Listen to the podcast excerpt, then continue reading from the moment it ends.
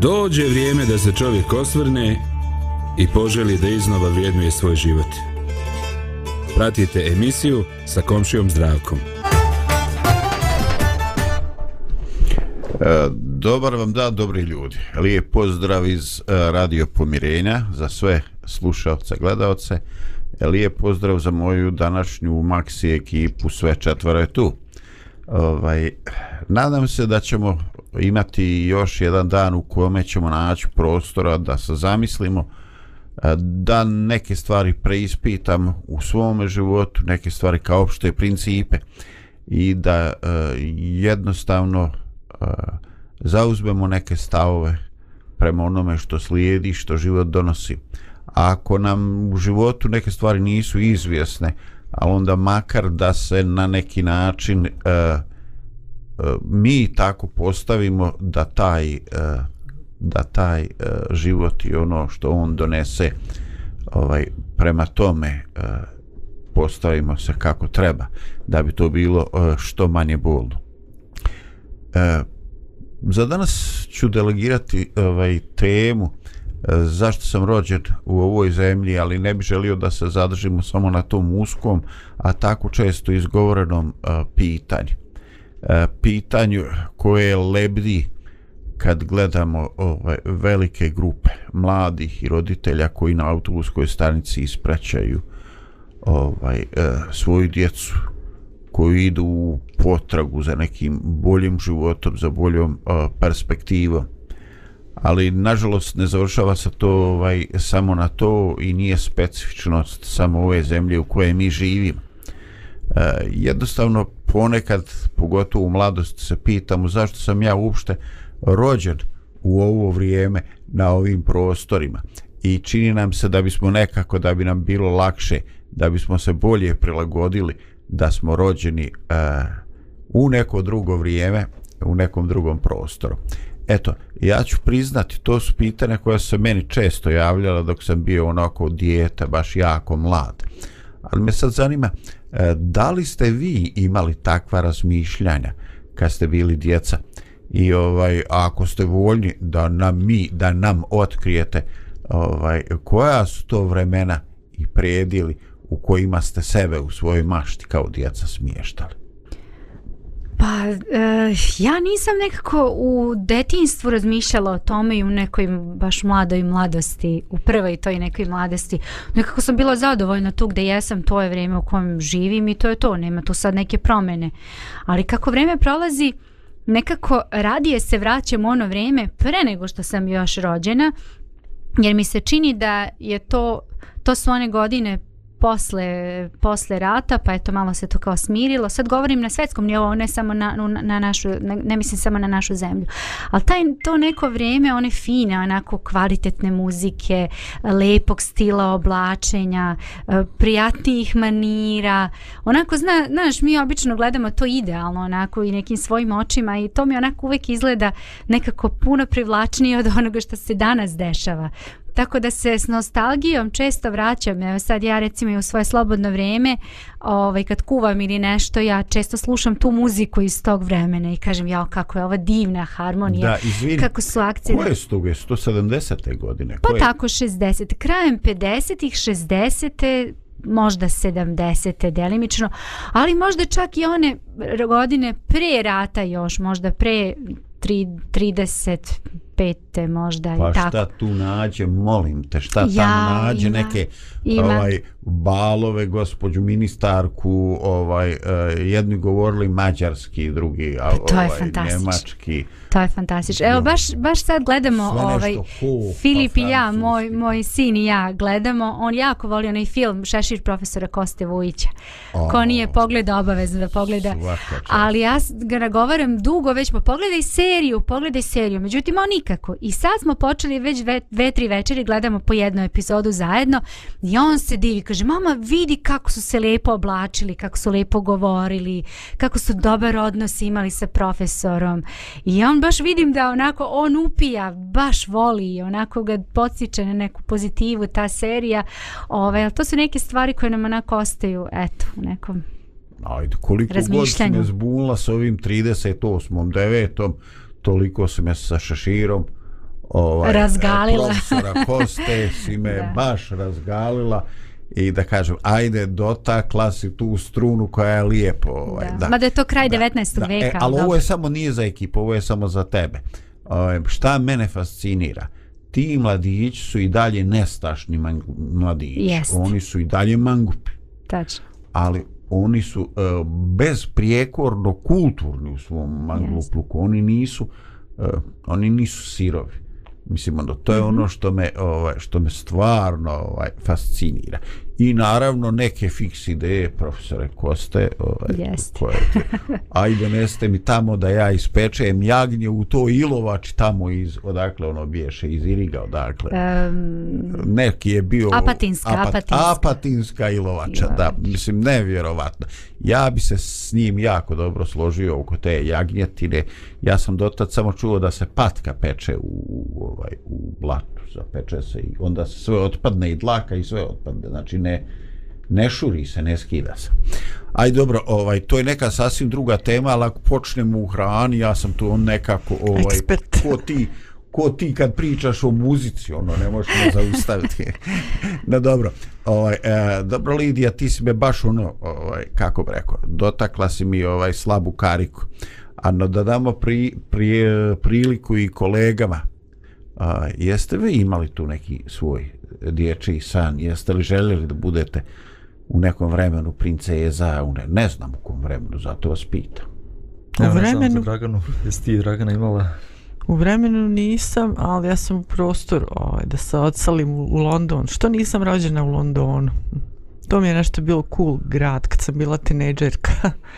ni New York, ni Amerika, ali, ali London mi je baš onako pasao mom temperamentu i svemu tome. Pa ja nisam stvarno, ne znam, ja, dobro mi smo malo generacija koja koja ova tema nije toliko relevantna. Ja sam odrastao u zemlji koja za koju smo svi smatrali da je idealna. Kad smo mi igrali se ra rata, ono, Njemci, to, to, to nam je bilo nešto najgore. Niko nije ni pomislio da ide u Njemačku tada. Ove, nekako smo mi stvarno bili takva zemlja. Ja ponosni što smo mi tu rođeni. Uh, E, ponosni na našu zemlju, na istoriju, na rat, na narodno-slobodilačku borbu. Tako da ja stvarno nisam nikad imao želju da ja živim u nekoj drugoj zemlji. E sad, naravno, ove mlađe generacije toga se ne sjećaju, nemaju u svojoj svijesti neku idealnu zemlju, već vide ono što se danas dešava, tako da danas definitivno većina mladih želi da ode iz ove zemlje. Da. To je, to je ružno, ali ovaj, kad ti kažeš ovaj, bili, bili, e, bili smo ponosni na neke stvari, ovaj, možeš misliti, ja sam to snimio na jednom videu, ovaj, eh, moj je jedan djeda bio robijaš, drugi bio partizan. Možeš ti zamisliti kad je došao u selo film Kozara, ovaj, kak ja obuko šangajke, nove tene, patike, išao da gledam film. Pa, mislim, možeš misliti kakvim sam ja ponosom išao, jer pa nije to film. Znači, to je nešto što je moje, možda ja tamo vidim nekog ko glumi mog džeda i tako. Nevjerovatna je ta doza e, nekoga, e, neke samosvijesti koje ti kao dijete od 10-11 godina imaš i osjećaš se ovaj dio toga. Ovaj, I upravo to što ti kažeš, generacije koje su sada nikada neće imati taj osjećaj e, ono e, radosnog ponosa zbog ovaj zbog pripadnosti. Ovaj mi smo stvarno ovaj kako ti kažeš živjeli u Pa ubeđenju. sjećaš se štafete? Ne znam ja. Šta ja sjećam se? Ja sam- bio tu pri... Nosio. ja sam, da, ja sam jednom Da. nosio štafetu, to je najveća čast u životu Yes. koja mogla da se dogodi. Ovaj, onda svi ono gledamo kako dolazi štafeta ta u Beograd, tamo stadion JNA, slet, ono, to, to je cijela zemlja živjela u tome i A ja bio tu na stadionu, na sletu, ono kad se radi one mježbe. I bio skroz na čošku, sve je bilo divno i jedino sam se u jednom trenutku okrenuo u pogrešnom smjeru. I na slimku ja u čošku, svi se vrte u jednu stranu, a ja se okrenuo u drugu i jaj Bože sačuvaj ona traumatskog doživlja. Nikom niš nije za, ovaj, nikom ništa nije ovaj prigovorio, ali ovaj ja ja sam se prepoznao. To je bilo ljudi strašno. Ja, to je bilo okret preko glave, bio je neki splet i ritmički vježbi. Ovaj, na dobro, ovaj, upadošmo, upadošmo u nostalgiju ovaj, onako po, po skraćenom ovaj, postupku. E, postoji dakle e, ogromne razlike, evo ja kad vas slušam, mislim, men, neke stvari koje ste vi željeli nisu padali na pamet, vjerojatno i obrnuto. I naravno, to je tako, ljudi smo različiti smo. No, ovaj, e, zašto sam tu? E, prevazilazi samo zašto sam rođen u ovoj zemlji. E, mi ponekad ovaj, gledamo na neki svoj životni put i to više nije osobina mladosti, nego nekih e, poznih dana ovaj, i pitamo se e, gdje smo pogriješili ako jednostavno e, nam se uoči da je odnos uloženi snaga, uložene energije, e, uložene žrtve i ono što se napravi od života da nije proporcionalan. Ovaj, I pitam sami sebe uh, gdje sam pogriješio, gdje sam pobrkao ovaj uh, prioritete. Ovaj, I onda jednostavno čovjek postane svjestan, na primjer, šta znam, izgubio je prijatelje, porodica se udaljila, ovaj, e, ili neko je otišao definitivno ovde sa zemlje i onda se postavlja pitanje e, da li sam iskoristio dovoljno vremena ovaj da se družim jer sam smatrao eto da moram da žurim da idem za zaradom da steknem da donesem neka sredstva. Da li sam stvarno morao? Ovaj da li onaj ko je napustio zemlju e, da li on zaista bio svjestan šta sam ja osjećao i šta osjećam prema njemu? Jesam li to rekao? Ovaj da li on e, otišao a da nikad mu nisam saopštio to što sam mu treba saopštiti uh, uopšte taj taj sistem uh, prioriteta ovaj i i potrošenosti. Uh, dobro, vi niste u nekim godinama kad očekujete završetak balade, ja sam to je mnogo bliži.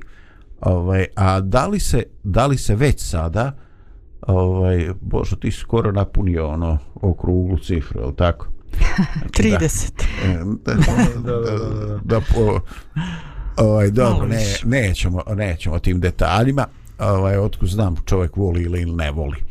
E, da li da li se već sada vam se desi ovaj, da se zapitate e, da li sam e, trošio e, energiju u onome smjeru o, koji je bio najbolji dešava li mi vam se to ili, to misli, ili će to doći za jedno 10-20 godina Pa ja mislim baš baš nedavno sam i pričala i danas sam pričala s jednom osobom. Moje mišljenje je baš da su ove 40. i 50. neka raskrsnica u životu kad čovjek odlučuje, kad revidira nekako život gdje su mu djeca ako ima ili šta znam što radi taj posao svo to vrijeme što radi zašto je ušao u taj brak koji je ušao, zašto ga još održava, ili ga treba prekinuti ili nastaviti. Šta treba od, od svega onog prošlog u životu da se nastavi, a šta se treba mijenjati? Da li, šta, pa onda dođem, ako je hrabar, do zaključka, pa ja se treba mijenjati. I onda to, te 40. i 50. po mom mišljenju su baš onako Možda smo pametniji nego u 20-ima i, i jači nego u 80-ima, ali svejedno to je, to je težak teret za mnoge ljude u tim godinama. Mm -hmm.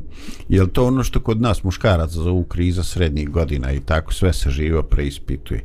Ja mislim da to kasnije malo dođe, ne kasnije. znam baš u 40. Ovo govorim za srednje. Aha, za srednje. Dobro, ajde. Da, ja ne znam, mislim, ja stvarno se nikad ne preispitujem ništa, mislim, ja i ne gledam nazad. Jer, ne znam, znam neke ljude koji žale cijeli život, propuštene šanse, uh, okolnosti u životu ili svoje greške, ali nikad ništa ne preduzmu da to promijene. Mislim, možda sam bio loš otac, ali evo, ajde, danas ću da budem bolji, mm. sve to što sam propustio, sad ću da nadok pokušam da nadoknadim, pa ću nešto da preduzmem. Ovaj, uglavnom, mi volimo da se osjećamo kao žrtve, žrtve okolnosti, žrtve nekih života mm. koji nas je vodio, eto, zašto sam se rodio u ovoj zemlji, što su to moji roditelji, ja sam naslijedio sve to od mojih roditelja, ne znam, i umjesto da gledamo u budućnost, šta ja mogu da da preduzmem, šta mogu da uradim u budućnosti, da vodim jedan smisao život, da vodim jedan ispunjen život, da budem najbolja verzija sebe, da budem blagoslov ljudima oko sebe, takav kakav sam oštećen, ja tako živim stvarno i ne žalim nikad za, za prošlost. Da, ja mislim da, da baš to što si da. spomenuo, da te neke godine možda revidiranja dolaze posle onoga što je Dragana spomenula, jer u tim godinama, znači 40. i 50. još možda možemo i neke stvari da, toga, da. da promenimo i da uradimo još, znači da pružimo. Mislim da su to onako naj, možda stabilnije godine gdje bi trebalo da otprilike znamo šta volimo, šta nas ispunjava, u kom pravcu želimo da ide naš život i onda nekako tu baš gazimo, tu smo onda svoji na svome, Naravno, ljudi se menjaju kroz život, nije to zacementirano, ali nekako čini mi se da su to neke godine onako možda stabilnije u odnosu na one ranije gde se još uvek pronalazimo i tako učimo o sebi i o drugima, a tek to što si kao pitanje koje si postavio, mislim da dolazi možda u nekim kasnijim godinama, možda nam ti možda možeš već ovaj, nešto progovoriti o tome, ovaj, iako mislim da to možda još i malo kasnije dolazi, no, gde se okreniš za sebi i onda kažeš pa da li je trošena energija. Ja sam recimo sad u, u, e, ušla sam u 40. i to su mi mnoge prijateljice rekle, ja sam to stvarno primijetila i dobro mi je što, do, ja volim što su mi to rekle, da su to neke godine kad onako počneš da, da prihvataš sebe i da onako više ti nije toliko bitno šta, kako, nego jednostavno to si ti, to je tvoj život i to je dobro da je tako jer onda možeš nekako čvršće da, da kreneš u neke, neke nove stvari, bez, ne nove stvari, nego gaziš u tome u čemu jesi Novi i to pogled. je ono novi pogled na ono da što što prolaziš i što proživljavaš. A ovo što si ti Bojane bo, Bojane, eto ja, ovaj što si Bože spomenuo, je jutro sa Bojanom baš neke stvari rešavali u gradu i baš pričamo na tu temu i on kaže baš, baš mi je spomenula, kaže, jao, kaže, baš blago nekim ljudima koji ne moraju da razmišljaju o tome o čemu ja moram da razmišljam. I onda kažem, pa ja ne razmišljam tako, ja živim tako zato što ja volim, ja sam odlučila da živim tako i znam da je meni dobro što tako živim i tu sam gdje jesam zato što to je moja odluka. I hajde da tu u čemu jesam, da krenem sada da vidim šta ja tu sad mogu da uradim. Ja mislim da sve odluke stvar odluke u životu. Zašto sam u ovoj zemlji u kojoj jesam? Zato što sam ja tako odlučila Ja sam mogla da donesem i drugačiju odluku, ali sa tom odlukom dolazi paket nekih stvari koje onda moraš da prihvatiš, koje su deo te priče. Ovde sam gde jesam, isto tako moram da prihvatim taj čitav paket koji je takav kakav jeste i trudim se da prilagodim sebe onome u čemu jesam, iako je moguće možda da promenim nešto što možda mogu da promenim. I to je to, to je stil života. Da, ja mislim bitno je koji je cilj života. Jer ako postaviš sebi da je cilj života da živiš lagodno, da imaš, ne znam, nija, da ostvariš nešto, kuće, aute, ne znam, nija šta, onda možda se okreneš i kažeš, pa ja nisam ostvario, onda pro, moj život je promašaj. Ali ako ti postaviš da ti je cilj života tvoj rast i tvoj razvoj, onda bez obzira koje okolnosti ti dolaze u životu, one služe tu za tvoj razvoj. Kako ćeš ti odgovoriti na tu situaciju? Kako ćeš reagovati sad kad ti ljudi šta je Bojan prolazio, ne znam ni ja. Kakva će biti moja reakcija, mm. to, zna, to će meni pomoći da ja narastem kao osoba.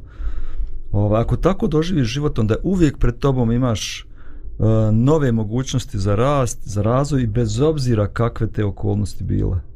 I bile dobre, bile loše, bilo bogatstvo ili siromaštvo, a u svemu tome možeš da imaš prostora da ti se razvijaš i rasteš kao osoba. Tako je. Super, super, ovaj, ali definitivno vrijeme je za jednu muzičku pauzu. E, lijep pozdrav, idemo malo da slušamo i muziku.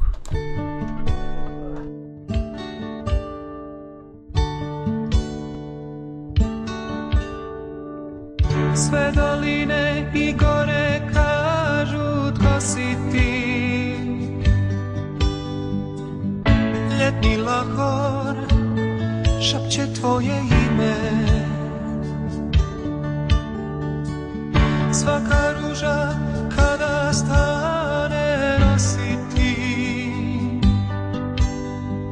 Priča o tebi i ponosi se time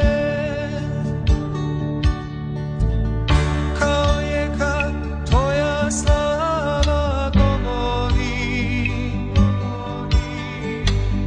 Sve što diše netko davno stvori. Sitna trava pa i snažni borovi. Svaka biljka tvoje djelo tvori. Raduj se zemljo sva Jer svi smo njegovi se na sav glas Kličite brjegovi I ti vojsko nebeska. Daleki svjetovi Svako ime nek te proslavi Vali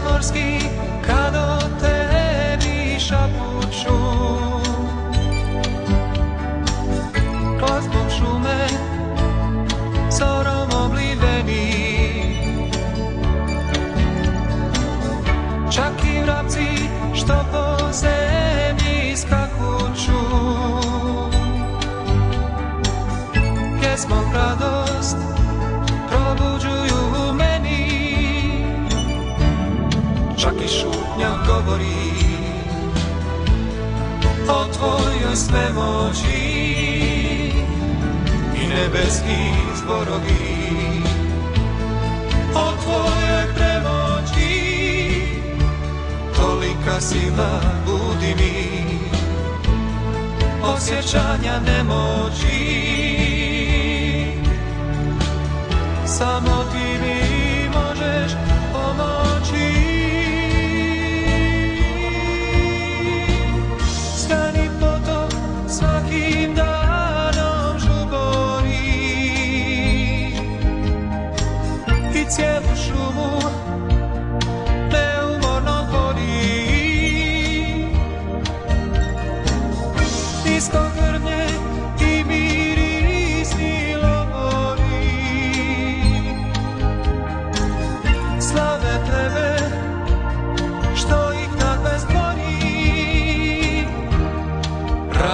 se zemljo sva Jer svi smo njegovi. Raduj se na sam glas Pričite brjegovi I ti vojsko nebeska. Daleki svjetovi Plemena zemaljska jer svi smo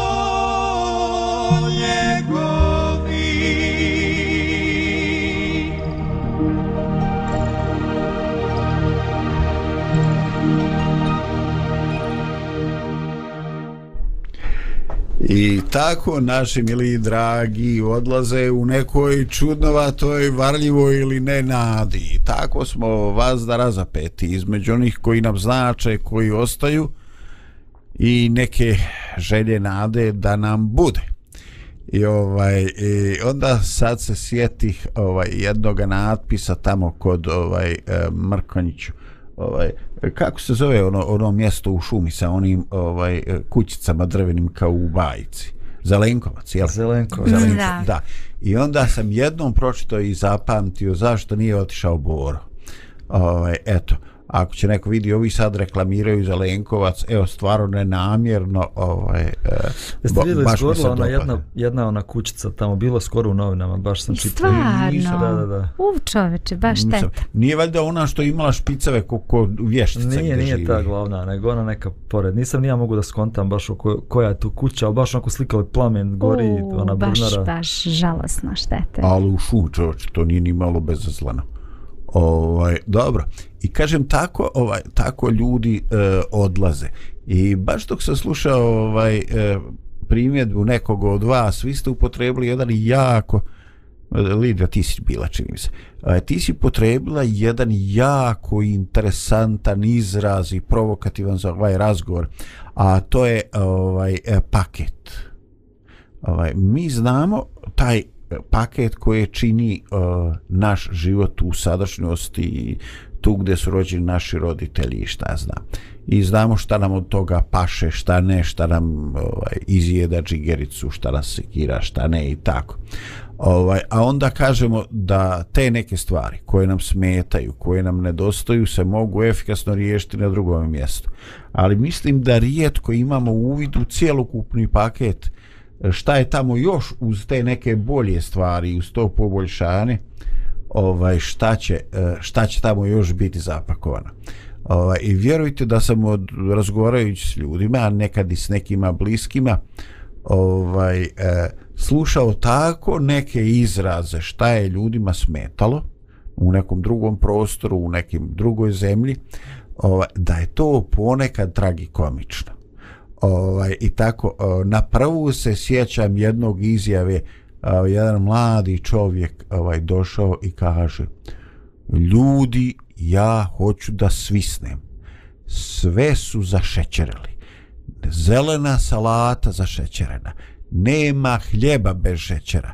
Meni ostaje jedino da idem dva kilometra kod jednog čoveka iz gospodina iz Turske, jer njihova kuhinja je kad doću da kupim sebi hljeba ili nešto, ono, idem kod Turčina da kupim sebi hljeba, ove švabe, oni nisu dobri. Ovaj, I tako, kažem, e, interesantno je šta sve ljudima koji nisu spremni da prime čitav taj e, paket, šta im sve e, ovaj, zasmeta. Ovaj, tako da, e, moje pitanje bi bilo, ovaj, da li dominantno ljudi napuštaju prostor e, radi onome ga što im smeta u tome prostoru ili zbog neke nade i očekivanja da će u drugom prostoru te ne, svoje neke nužne potrebe riješiti ili rad, dakle rad toga što očekuju da će im tamo neki aspekt života biti bolji. Šta ste vi iskusili u razgovoru s ljudima? ili makar dojem koji imate. Pa evo ja mogu da kažem, evo da, moja, moja supruga, ja čisto sad svaki dan o, o Nataši pričam u emisijama, ovaj, ali ona, njo, o njoj jako znači sredina u kojoj živi u smislu njenog raspoloženja, znači na nju to jako utiče. Ako je oko nje pozitivno, ona je pozitivna. Ako je oko nje sumorno, i ona nekako se osjeća sumorno. I njoj smeta da kod nas nekako atmosfera koja nije pozitivna. Ne vidiš ljude da se smiju, ne vidiš ljude da pjevuše, nekako svi su sumorni, svi su malte ne depresivni. ovaj, kod nas to na nju i vaš jako loše utiče. Ona bi više voljela da živi u nekoj zemlji, ali da li postoji takva zemlja, ne znam. Gdje su ljudi... Pa nikad je ne odvedeš u kafanu malo ovaj, da, e, da vidiš to. da, da vidiš kako šta je veselje. Šta, kako će ovaj, da, negde u kafanu na neku muziku i tako. Možda bi žena ovaj, doživjela kako mi Balkanci umijemo da se... Da se ovaj... Razveselim. Pa ja sad si mi dao ideju. Sad ne znamo šta će ona reći. Ovaj, e, ne znamo ko će sad gore proći, ti ili ja kad dođe u kući. Ono, šta ti to proklamuješ, proklamiraš. Znaš kako ja mislim da ljudi uglavnom odlaze zbog eh, te neke puke egzistencije i, i um, uglavnom ljudi eh, teško da pronalaze neku mogućnost da ovde egzistiraju I onda nekako, eto, odlučuju se na taj korak koji nije ni malo lak. Ja sam, kad sam spomenula paket, to stvarno, taj paket može da, ne može, nego mora da obuhvati i neke stvari koje mi ne želimo. Primere radi, Evo, jutros baš opet, kažem, bili smo u gradu i sad posjetili smo pijacu i dve prodavnice. Ja sam u svakoj od tih prodavnica, sad stvarno kažem ko što jeste, znači u svakoj od tih prodavnica čujem, evo baš na pijaci jedna žena, ovaj priča sa drugom ženom i sad ja prolazim tuda i čujem i ona kaže da jedna ćerka, al druga ćerka evo sad hoće da ide u Švicu, hoće da proba da da tamo nađe neki posao. Ne znam, dalje sam prošla, nemam pojma šta je. Znači ljudi pokušavaju da odu, eto završila ona vjerojatno neku školu završila, pretpostavljam, ne može da nađe posao ili ako nađe posao nema mogućnosti da da preživi ovde i onda ona nema izbora nego da ode i da traži nešto bolje i drugačije. Imam osjećaj da je tamo tih nekih godina možda do 80 ljudi koji su odlazili vani, oni su odlazili da ostanu tamo i da, da žive, da jednostavno osnuju porodice, da mogu tamo da, da budu. Čini mi se, to je bar moj utisak, da je trend nekako danas drugačiji i stvarno ljudi koji su otišli, tamo su i penzije doživeli i sad su njihova deca uglavnom tamo, a danas ljudi odlaze stvarno da bi baš da bi baš mogli da prežive. Znači, taj novac vraćaju ovde i onda pokušavaju tu opet da žive, ne znam, neko vreme, pa onda opet idu, pa se opet vraćaju. Znači, ljudi vole svoju zemlju generalno u suštini. Ja ne mislim da ljudi koji odlaze recimo iz Bosne i Hercegovine da ne vole svoju zemlju i da ne vole ljude. To je nešto što je nama nekako blisko i drago, ali odlaze iz tog nekog razloga, to je nekako Nužne primarni potrebe. cilj. Ali Da. htjela sam samo da kažem i to, kad odu, znači oni ostavljaju svoju decu, da li bakama i dekama, da li nekome drugome na čuvanje, ili deca ostaju sama, ili muž ostane, ili žena ostane, sve to nosi sa sobom jedan težak teret koji nije lako nositi, ali eto, to, su, to, to je neka realnost. Ovaj, vidiš, ja ne znam da li sam te dobro razumio, ovaj, ali ako jesam, onda, onda ovaj, definitivno neke stvari vidim posve drugačije. Znači, ove starije generacije su odlazile da se vrate. Ne, da ostanu Gdje da ostanu? Tamo. tamo. Da, eto vidiš, moj dojam je da su oni otišli, odlazili da se vrate i najčešće tek u penziji. I većina ih je ovde gradila kuće, ovaj, i onda kad su se vratili, ovaj, kuće su bile grandiozne, oni više nisu imale snage ovaj, e, ni da obrišu paočinu od, od plafona do dna i tako. Mislim, mislim na taj aspekt. Znači, oni su jednostavno stalno ovaj, živjeli paralelni taj život. Tamo su sticali, Da. ovdje su to pokazivali na ovaj i e, ogromna sredstva su svake mjeseca dolazile. Ovaj s moje bi se. strane ja mislim da ovi koji sad odlaze da će ovaj e, kratko ili malo ulagati da oni neće slati sredstva. Ja mislim Da ovi se- danas što odlaze, odlaze da se nikad više ne vrate. Mm, Da, pa Većina na što sam mislila, evo možda da objasnim samo. Ja znam mnoge ljude koji su otišli tamo, zaradili penziju, da, ulagali svake godine, donosili novac, ulagali u kuće, šta god već, ovde i jesu se u penziji sada vratili i tu su, tu, su, tu, tu proživljavaju te svoje možda godine u penziji.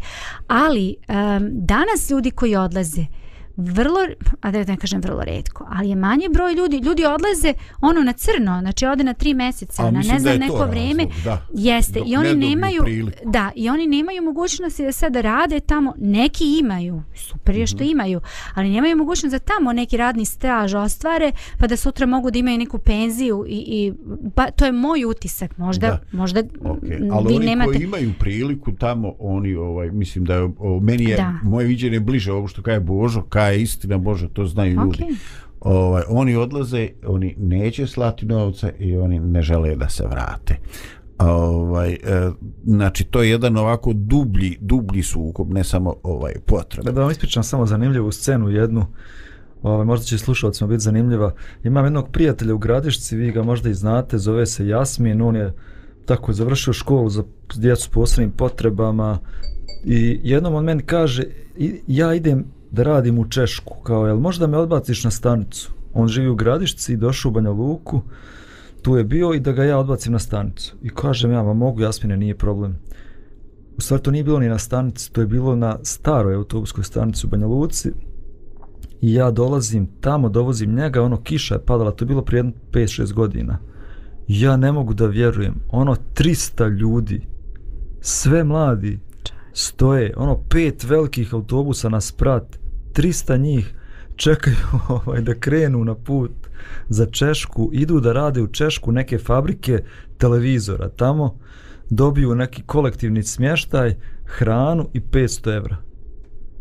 I 300 njih tog dana Je spremno. ovaj, spremno da ide za 500 evra. I ja se mislim, pa jel, jel nemoguće ovdje kod nas 500 evra da, da zaradi se, ali očigledno za njih je to bilo nemoguće. E, meni bilo strašno, ja sam to sliko, poslao sam kasnije u, u Buku i neke druge portale. E, mislim da sam vidio taj, vidio sam taj članak.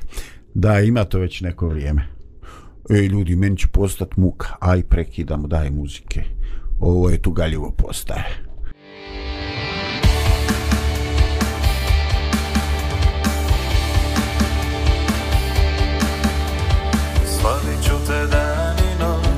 Pred zidi, neka čuju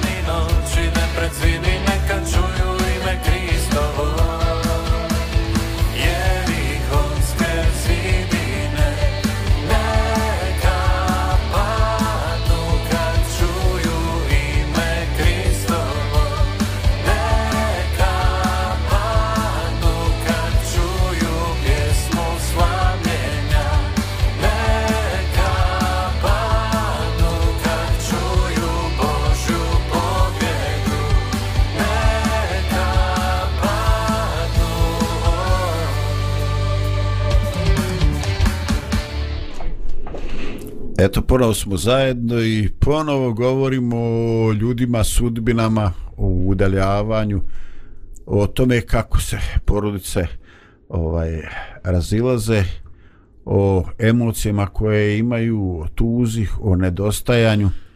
Ovaj, I sve su to naravno ovaj, e, teške stvari, sve su to neke jerihonske zidove za koje bi mi voljeli da padnu, da se riješe.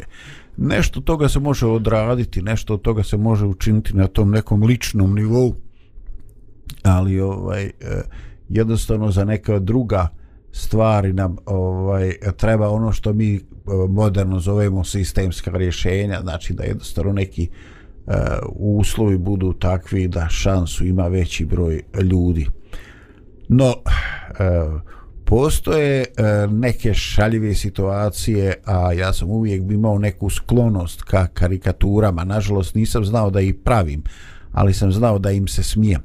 Ovaj dvije koje mi padaju na pamet je jedna je ovaj e, beba, e, ne beba, roda nosi bebu u zavižljaju i ovaj e, onako sprema se da je spusti i onda bebo odjedan put razgoračeni ovaj očima viče Ne, ovde u Bosnu kaže spuštaj me odmah u Njemačku i tako. A šta ako roda ode malo istočnije još? Dobro, ono, ono, ono, otkud, otkud znam, ono, u to se ne bi puštao. Da. Da, mi jednostavno zaboravimo da ima i, ima i gorik. ovaj, i, a ima jedna stara, stara priča ovaj, o čovjeku kojemu jednostavno dosadilo je da se bori ovaj, sa zlom. I onda je on ovaj upregao svoje konje ovaj u svoja drvena kola, e, stavio je sve te svoje neke e, stvari, e, šerpe, svoj ovaj kazan sa ognjišta, sjekiru, pilu i sve to što je neka činilo osnove nekog domaćinstva. I tamar kad je to sve bilo gotovo, spakovano, a nije toga bilo puno nekada, ni odjeće, ničega, ovaj e, okrene se to i onda znate drvena kola su imala onu po sredini ovaj e, kao jednu gredu onako malo ovaj okruglu koja se zvala srčanica. I on se okrene kao đavo sjedi na srčanici od pozadi. Kaže kušti pokuži ja idem za vama kaže. I ja se selim. E kaže ako ti seliš ja, ja i nemam razloga da se selim. Ovaj, e, dakle šta god da je vaša odluka ovaj, e, kako god da odlučite jer vam se to čini kao neumitnost kao nešto što jednostavno život donosi i nema drugog rješenja. e, mi vam želimo sreću ali ovaj, jedno je sigurno gdje god bili prvo nećemo pobjeći od sebe i drugo nećemo pobjeći e, od nekoga e, zla i neke muke neki problemi se riješe nešto drugo će nam ovaj e, nešto drugo će nam faliti. Ja ni na koji način ne pokušavam da na ovaj način e, sugerišem. Ne pjevam vam patriotske pjesme, ostajte ovdje jer sunce tuđeg neba neće vas grijati ko što ovo brije. Ali ovaj bitno je da e, u život ne idemo kao gruska u maglu. Bitno je da shvatimo kakvu god opciju da odaberemo, nešto će, nešto će e, biti problem i bit će nešto ovaj što će da nas muči. E, skoro sam sreo još jednu životnu situaciju, ovaj, još jedno pitanje. Jednog mladoga čovjeka u, u kasnim 20. godinama ili, ili ne znam, možda ranim 30. onako baš pun snage, energije, na vrijeme se uzbiljio, na vrijeme je počeo da stiče, Uh, dobio je već drugo dijete oko 30. godine onako i u svim u svim tim nekim ovaj opcijama eh, rekli bi on se na vrijeme se skoncentrisao na vrijeme donio prave odluke ne gubi eh, ne gubi se nije dezorijentisan onako baš u jedan eh, život koji obećava da će biti ispunjen. I ovaj i jednom razgovoru on kaže čoveče većinu stvari od moje porodice ovaj koje ne valjaju ja sam pokupio. Onako ga uzvirim se u njega na što misliš? Pa imam, eto, imam koja je malo povišen pritisak na strica, imam neku tamo anatomsku osobinu na ovu, pa i ovoga, ono, sad da ne bude to previše prepoznatljivo, neću ja pričati detalje. Ali od jedan put mi vidimo ovaj, e, da jednostavno e, mi nismo osobe koji smo pojedinačne živote. E, kako god ovaj, mi imamo naše bližnje, znači porodicu koju smo dobili rođenjem, i porodicu koju možda e, na neki način pravimo ili ili ne pravimo nekim svojim ovaj izborom. Ovaj i onda eto tako, onda ovaj koji bož, ono znači doktoriraš na pojmu Nataša, tačno zna sve i, i ček i nama to ovaj ispriča. E, kako se vi e, nosite sa tim e, problemom? E, koliko vas muči ta neka svijest e, da e, kako starimo jednostavno vidimo da se u mnogim porodicama ovaj e, na iste zdravstvene problemi se ponavljaju. Ovaj kad jeste kad ste toga postali svijest? Da jednostavno ovaj kao da postoje neke tanke karike ovaj, i mi iz iskustva naših stari moramo voditi računa gdje da se pazimo negde više ovaj, negde manje jeste postali vi toga svjesni i ako jeste u kojim godinama Pa, da, ja ti mislim... rekao da sam ja prešao 50-u, ali ja još uvijek ne razmišljam puno o bolestima. Pa, A je koleginice još nisu ni, ni blizu, tako da ne vjerujem ni da one baš puno Ne znam Kako, kako, koja? kako ko je. Pa ne, ovaj, sjetila sam, tako se, ja i sestra često razgovaramo o tome. Šta ona povodom toga ovaj, naslijedila od, od koga, šta ja, ovaj, kod nje su više vene, kod mene, kod mene su kapilari, do duša ja nemam nešto puno kapil, uh, problema sa kapilarima, ali sa venama zna biti ovako i kad boli, i kad ovo, razni drugi problemi, tako da, dobro, još, još je u redu. da, Još se Ka, nosimo kako sa tim. može biti? Pa ja nisam isto nešto sad previše svesna, niti razmišljam puno o, o, o bolestima i o tim naslednim nekim stvarima i faktorima koji dolaze od porodice, ali jesam... Um, počinjem nekih stvari da budem svesna. Recimo ono što mi se jako sviđa, sad spominjem stalno, eto nemam puno sedih, tek možda po koje je krenula, kažem to sam da sledila od mame, moja mama i sad ima dosta svoje kose. I onda kažem, postoje recimo te neke stvari na ove druge, druge zdravstvene ove probleme koje primećujem kod svojih roditelja, sad kažem, hm, morala bih ja možda da povedem računa o tome. Bravo. Znači, to su neke stvari koje počinju u tim nekim godinama, ali nisam sad nešto ono svesna u smislu da mi je to ono baš prioritet. Neka preokupacija. preokupacija, tako, da. nekako, verovatno, ne znam, možda još... Ok, ok, čekate to iza ugla. Ali ovaj, e, ja sam možda ostavio pogrešan utisak. Ja stvarno nisam mislio samo ta neke tegobe kao neke sklonosti i tako, jer ovaj e, od, od prilike sa te, pogotovo u ovoj ruralnim sredinama to se zna šta ja znam ovaj e, ta porodica oni su skloni alkoholizmu znači i on ako ne pije ako počne malo pit taj će zaglaviti znači nema ono a imaš neke druge porodice znači oni čitav život će uzeti čestitati rođenje ovaj popiti čašu za pokoj duše i nikad i niko nije vidio pijen a neke druge porodice se jeli počeo, on se ukrmačio. Znači, ono, to je strašno, da, ovaj, da, ovaj, ali znači ne govorim, ne govorim samo o sebi. A, govorim o nekim reakcijama, o nekim ovaj karakternim osobinama. E, sjećate se one pjesme e, Oprosti mi pape, Hmm, što sam druge slušao. Oliver Dragojević. Da, ja sam pape, isti, jer sam život kuša. Ovaj, e, da, ajde na stranu ovaj, bolesti, neka su normalna, no, neka su nova vremena i neke nove terapije, mnoge stvari ovaj, dešava. Ali ovaj, e, šokantno je kad ovaj, dvije stvari u životu su mene šokirale. E, kad misliš da se drugačiji od svojih roditelja, pa onda shvatiš da i nisi baš previše. I druga stvar, ovaj, e, kad počneš da bjesniš na djecu i kad vidiš da oni ponavljaju tvoje gluposti. Hmm. Ovaj, E, to su to je. ovaj, to su neke stvari. Kažu da je to pravo vrijeme da istučeš dijete kad vidiš da liči na to. Ali vrlo je zanimljivo, sad upadam ti, ali ovo mi je mnogo bilo značajno.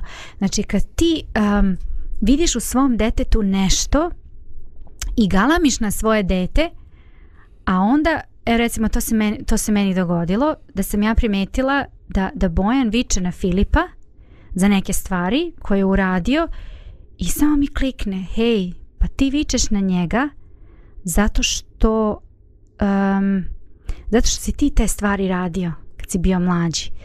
Klikne ti u jednom trenutku, shvatiš to. I onda, znaš, kažeš, hej, da je pa- znao makar ćute da to ne kaže. Ovako mu ti sad to... Ne, e, ja sam to njemu rekla, ja sam to Bojanu posle rekla. Rekao, da li si primetio? On kaže, jesam. Jesam i kaže, baš mi je zahvalio što sam mu to rekla, jer, znaš, kad postaneš svestan toga, onda pitaš se da li je ta galama u stvari odraz onoga što je u tebi ili je to stvarno nešto što je bitno da bi tvoje dete moglo da krene korak naprijed. Čekaj, ali ako ti shvatiš da tvoje dijete ponavlja nešto što je bio tvoj promašaj, tvoj problem, je li to razlog da mu oprostiš ili da budeš strožiji da i da izbigneš neke stvari ili neke gluposti koje se tebi u životu dešavaju? Pa, uh, pod tim utiskom... Moralna ta neka pod dilema. tim utiskom ti um, stvaraš mogućnosti da uradiš nešto mnogo gore nego što bi trebalo da bude vaspitna neka mera prema svom detetu i da ga učiš, mi smo svi ličnosti za sebe, znači ako je tebe recimo tvoj otac vaspitavao na određen način i lečio, da kažemo, popravljao te neke stvari koje nisu bile kako treba na određen način, koji možda nije bio na mestu, hajde ti uradi korak dalje, pa ti onda u, pokušaj na neki drugi način da popravljaš te neke stvari kod svoje dece. Znači nije stvar u grešci koja se događa, nego u pristupu, u načinu kako ćeš rješavati. Da, jedno je upozorenje, poučavanje, ne znam, i takve stvari. I verbalno, ali i ne sa galamom, a drugo je neke druge metode. Da. ovaj neću ništa da vas pitam pošto ću biti u iskušenju da ovaj eh, da demonstriram eh, kojoj staroj školi pripadam a neću ja to baš ovako da, da to neko pripiše ovaj da je to zvančni stav radija to su neki moji lični stavovi ali o tome nećemo ovaj, pustit ćemo mlađe i modernije neko oni javno kažu svoje stavove. Ovaj, eh, dobro društvo znači puno toga ima ovaj, puno toga što ima eh, što treba u životu da nosimo s čim treba da se suočimo.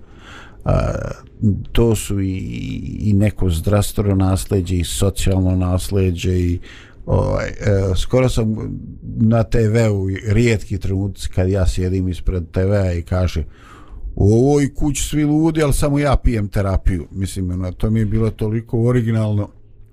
Ovaj, ne znam gdje je taj iskopao. Ovaj, I prije izvjesnog vremena sam sreo u Lamincima, znači jedno selo pored Boske gradiške, jednog poznatog srbijanskog reditelja, ovaj, eh, koji kad dođe tu ima neku rodbinu, on ima svoj ritual ovaj i on obiđe ta neka mjesta gdje se ljudi ovaj sastaju već se on je dovoljno dugo tu dolazi zna se ko su ti šereti zna se ko su te živopisni likovi iz sela i on ovaj ima neku svesku i on eh, pri eh, bilježi ta neke originalne narodne reakcije, znači te neke prema životu, prema situacijama. Sluša te priče iz sela i onda se to u nekom drugome e, umjetničkom paketu pojavi i mi se oduševimo kad što ovaj kad to nađemo kad se to U filmu nekog, u filmu nekog. I mislim da je tako nastalo i ovo sve ludo sam ja pravi pijem terapiju. Ovaj tako da eh, život je definitivno definitivno ovaj eh, kompleksan. Eh, ne znam eh, koliko koliko to daje upravo ovaj e, sočnost e, i radost tom životu i kad ta neka kompleksnost e, postaje teret. I to je stvarno pitanje na koje je jako teško pojedincu da da odgovor. Nekako u različitim periodima vremena svi mi imamo neke svoje odgovore i svi nosimo te terete na ovaj ili onaj način. Jel mogu ja ili hoćeš u drugom dijelu, na završnom dijelu, imam jedan super citat od Viktora Frankla, samo napred hoćeš sad, ok. Načitao sam knjigu, evo preporučujem je svima, knjiga Viktora Frankla Zašto se niste ubili? Ili zašto se nisam ubio? I on tu opisuje svoj boravak u koncentracionom logoru Auschwitz. On je bio ugledni ljekar, živio je u Beču, bio je psihijatar, E, svi su ga poštovali i onda odjednom, znači, život se totalno okrenuo na opačke od takve jedne situacije gdje je imao sve što je želio u životu, gdje je bio uspješan, poznat, imao porodicu, odlazi u Auschwitz, postaje niko. Znači, nema imena, ima samo broj sve su ih ošišali načelavo, dali im neke dronjke da se obuku, jednom dnevno dobiju da jedu i to nešto mizerno ovaj, da jedu. E, većina ljudi čim malo posustane završava u koncentracionom logoru, a ovi što su ostali živi, oni uh, čiste kasnije te, te peći. Znači, užasan život i on sebe pita, pa je li ima život ovde smisla uopšte? Pa koji je smisao života ako ja ne mogu ništa da ostvarujem, niti mogu da uživam, niti, niti bilo što, kako pozitivno iskustvo da imam ovdje. Ovaj, I onda je, na, kad je izašao iz logora, napisao je knjigu Zašto se nisam ubio, i jedan od nekoliko dobrih stvari koje je napisao u toj knjizi. On opisuje svoj život, a onda vadi neke lekcije iz tog života i kaže ovako, moramo da naučimo da zaista nije važno šta mi od života očekujemo, već naprotiv, važno je šta život očekuje od nas. Pa onda dalje kaže,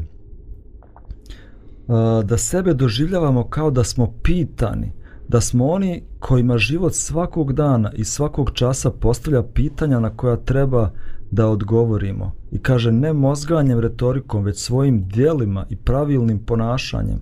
Živjeti na kraju krajeva znači biti odgovoran za davanje pravih odgovora na životna pitanja.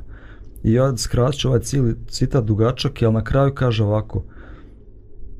Dakle, kad konkretna sudbina čovjeku nametne patnju, on će morati da u patnji vidi zadatak i to neponovljivi zadatak. I na očigled patnje čovjek mora borbom da dođe do svijesti da je on u njoj, tako reći, na cijelom svijetu neponovljiv i jedinstven. Niko drugi nema taj zadatak, samo ga ti imaš. Niko ne može da mu ukloni patnju, niti da umjesto njega trpi. Ali u tome kako on podnosi svoju patnju, sadržana je neponovljiva šansa za jedinstveno ostvarenje.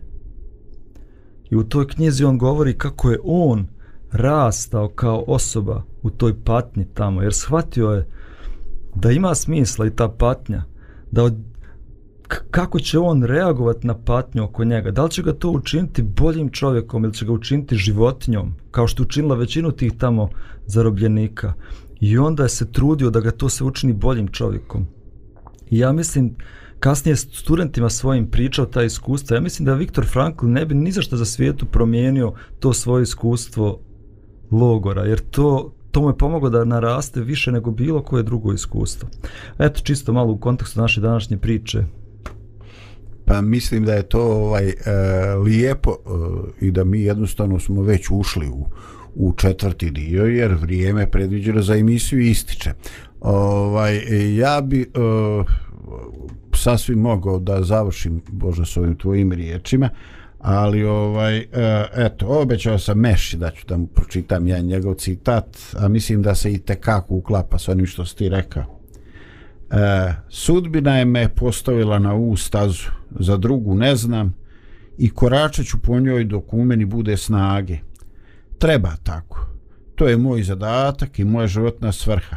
Ne pitam da li je pravedna moja je i mislim da to na nevjerovatan način korespondira sa ovim što se ti čitao od Viktora Franka. Eto, različita prezimena, ljudi različitog životnog iskustva, različiti podneblja, ali postoje neka univerzalna saznanja koja čovjek ima ili ga nema.